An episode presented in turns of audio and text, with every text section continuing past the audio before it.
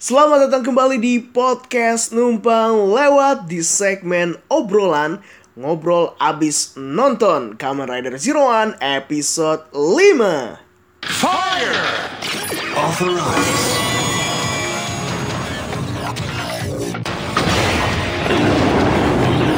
Dora-chan! Progress!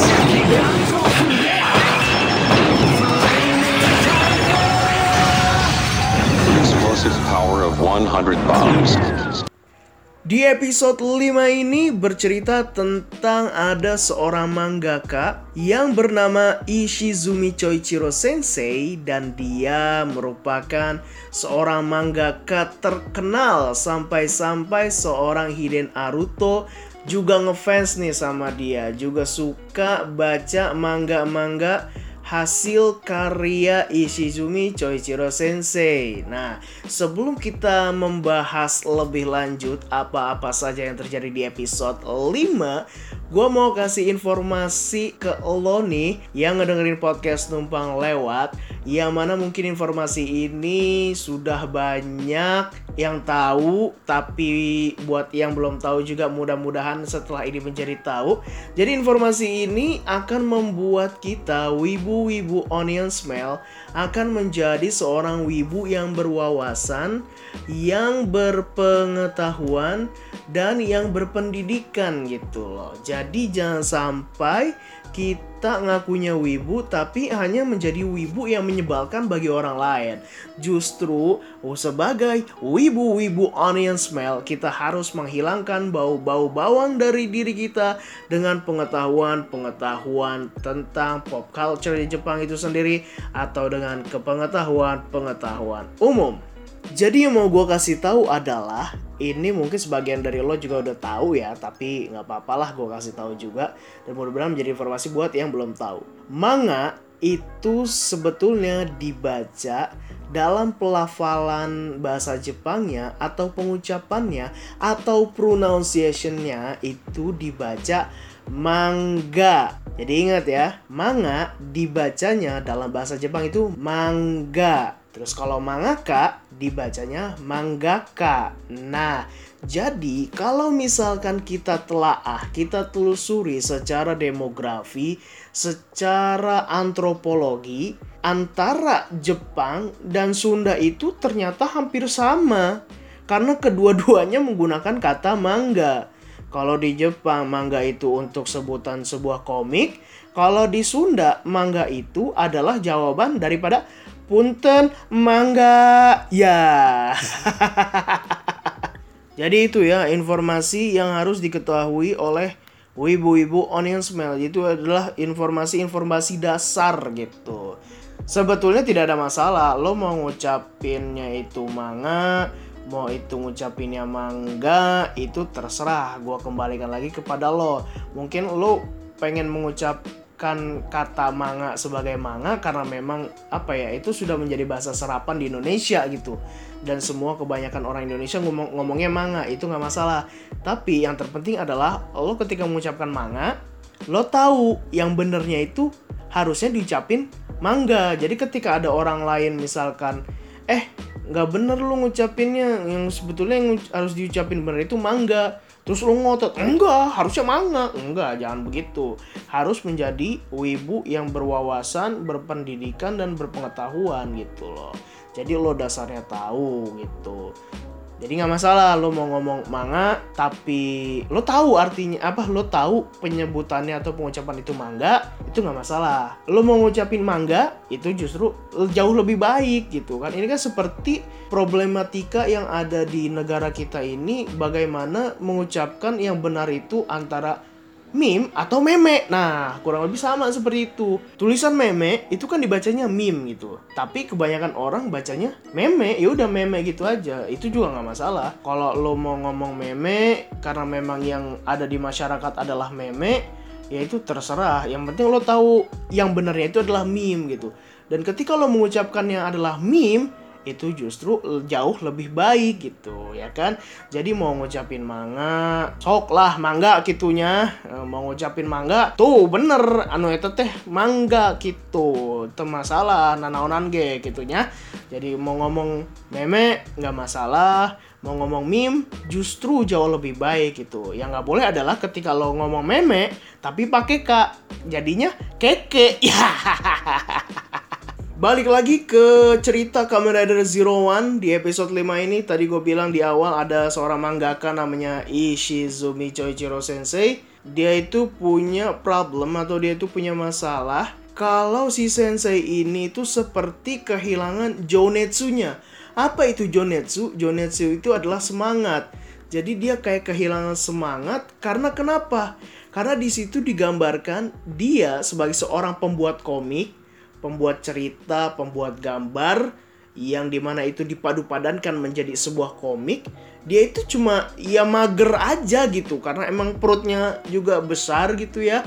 Terus dia cuma duduk aja dan dia hanya memperkerjakan beberapa humajir untuk menjadi asistennya. Untuk itu dia yang ngegambar untuk dia yang ngebikin cerita gitu loh. Jadi bukan dia gitu sebagai kreatornya bukan. Jadi dia nyuruh orang lain dan juga dia memperlakukan humajir itu cuma ya sebagai alat gitu kan. Di situ kan ada momen ketika ada salah satu asisten humajirnya dia itu jatuh dia itu roboh terus dia digoyang-goyangin gitu kan. Eh sadar sadar gitu ini baterainya habis apa bagaimana gitu. Jadi itulah yang menjadi apa ya konflik di sini gitu. Karena si sensei ini adalah orang yang memperlakukan Hyumajir sebagai mesin sedangkan si Hiden Aruto adalah orang yang di awal episode dia beranggapan bahwasanya Hyumajir adalah teman dan juga sahabat-sahabat manusia yang mana Humajir itu adalah sesuatu yang akan membantu kerja manusia tetapi lebih daripada itu gitu loh. Karena dia itu sebetulnya sama manusia juga gitu seperti manusia lah kurang lebih seperti itu. Sedangkan si sensei ini beranggapan yang berseberangan dia menganggap alat. Dan karena ada alat canggih yang bisa ternyata bisa lebih dari yang ia pikirkan kurang lebih ya bisa gambar, bisa nyusun cerita, akhirnya dia malas gitu. Dia malas kerja, dia malas gambar, yang penting sudah ada bantuan dalam berbentuk humajir.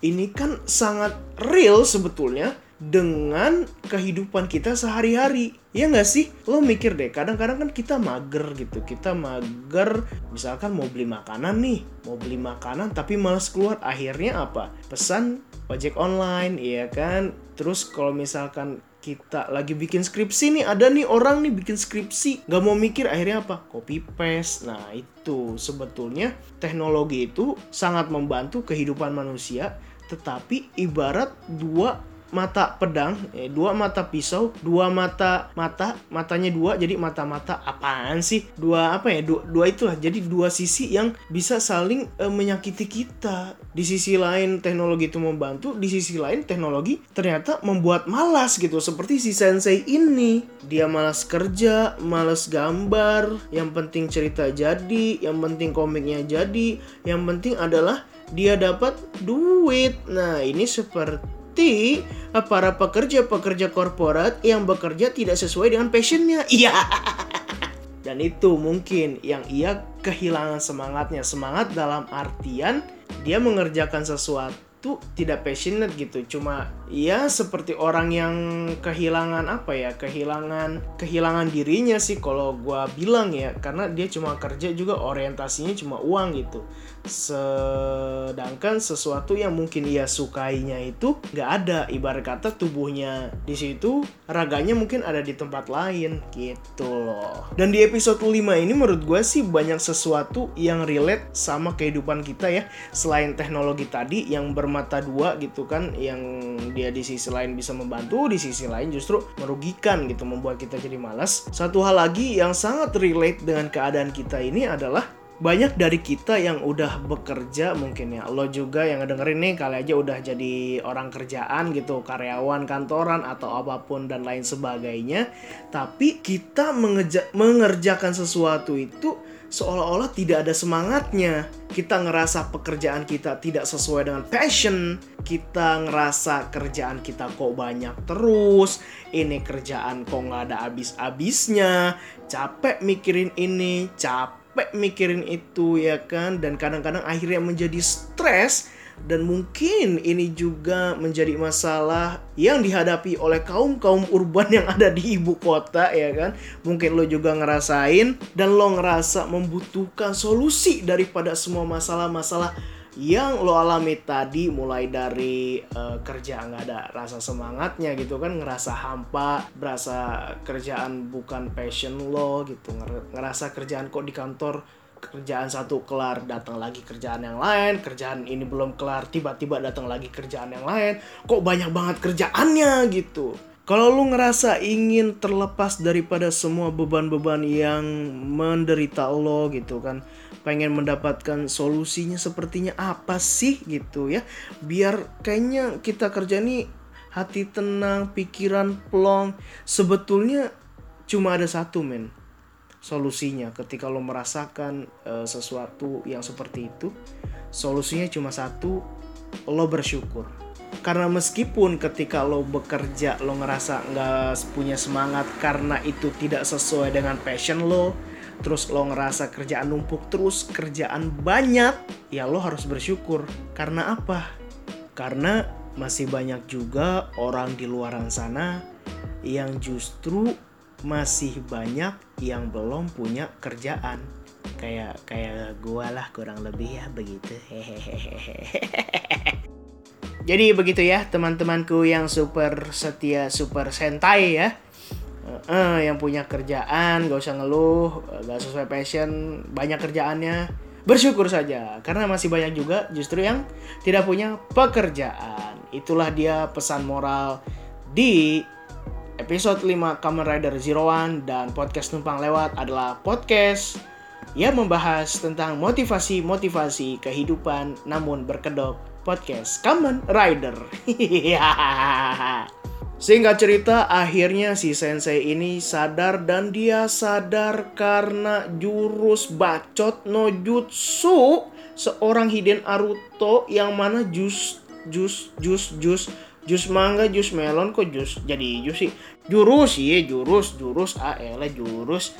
Yang mana ini mirip jurusnya Naruto ya kan. Kalau di Naruto ada orang jahat berantem berantem dar der dor dar der dor kage bunshin no jutsu rasengan rasen shuriken segala macem akhirnya itu orang jahat itu sadar gitu karena apa karena diceramahin karena dibacotin sama si Naruto nah di sini juga mungkin ada kesamaan antara Naruto dan juga Aruto gitu ya. Jadi si Aruto itu kasih ceramah, eh sensei tidak boleh begitu, lo harus semangat dan lain sebagainya. Lagi dikasih ceramah tiba-tiba monster datang, tush, monster datang, berantem berantem berantem. Nah dari ngeliat si berantem itu, si sensei ini akhirnya sadar dan juga muncul form terbaru Kamen Rider Zero One Zero One Flaming Tiger di mana ini digambarkan si Zero One itu itu wujudnya seekor macan ya, seekor harimau berwarna merah dan membara gitu kan. Namanya juga flaming. Flaming itu terbakar ya kan flaming tiger harimau yang terbakar harimau yang berapi harimau yang membara. Ini menunjukkan kepada kita bahwasanya kita harus memiliki semangat yang berapi-api untuk bisa melakukan sesuatu agar berguna bagi diri kita dan ya orang sekitar mungkin ya.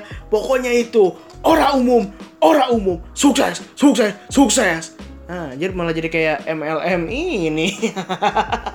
MLM belakang rumahnya eh belakang rumahnya, belakangnya ada rumah gede kalau enggak ini menara Eiffel tapi goyang-goyang. Ya.